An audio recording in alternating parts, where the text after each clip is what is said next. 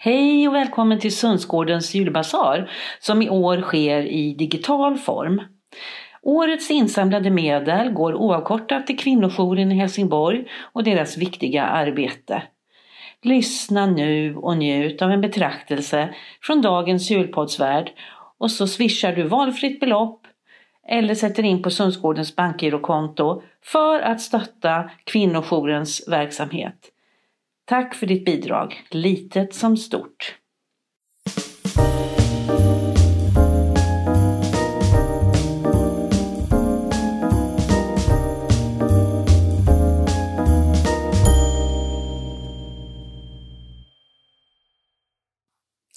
Jämställdhet är viktigare än någonsin.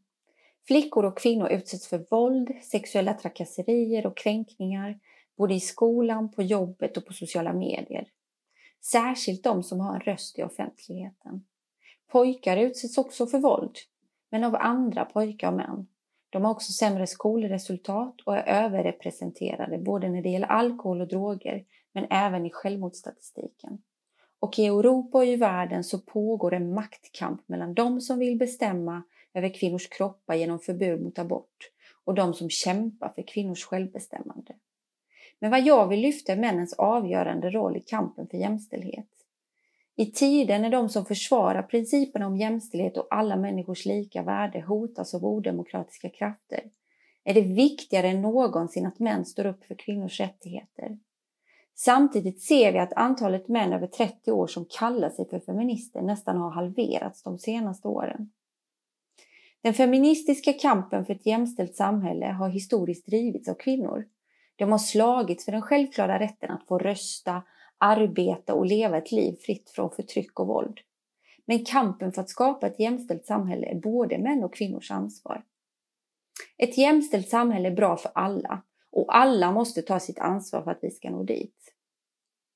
En av de viktigaste uppgifter vi har för att kunna driva jämställdhetsarbetet framåt är att förändra destruktiva maskulinitetsnormer som fortfarande finns i samhället.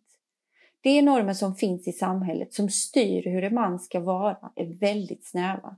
Män ska vara starka, de ska inte visa sårbarhet eller prata om känslor. Dessa normer leder bland annat till våld och övergrepp. Och mäns våld är idag ett av våra största samhällsproblem. Män är misstänkta för 79 procent av alla misshandelsbrott och 97 procent av alla sexualbrott.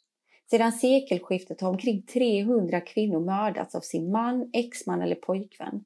Och var fjärde kvinna kommer någon gång i livet att utsättas för våld av en närstående, oftast en man.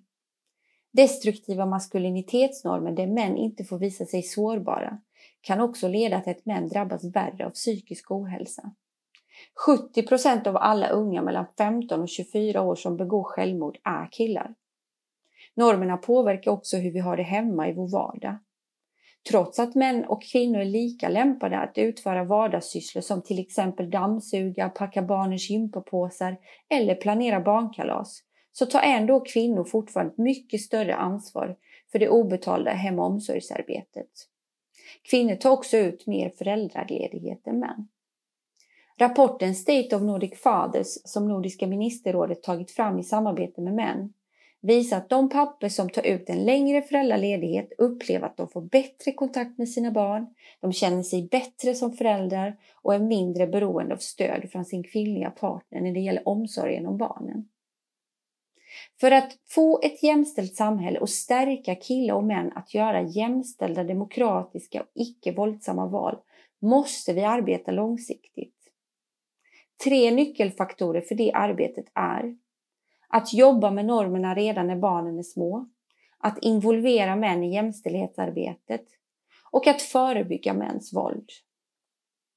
För att uppnå en jämställd värld utan våld är mäns engagemang både livsviktigt och nödvändigt.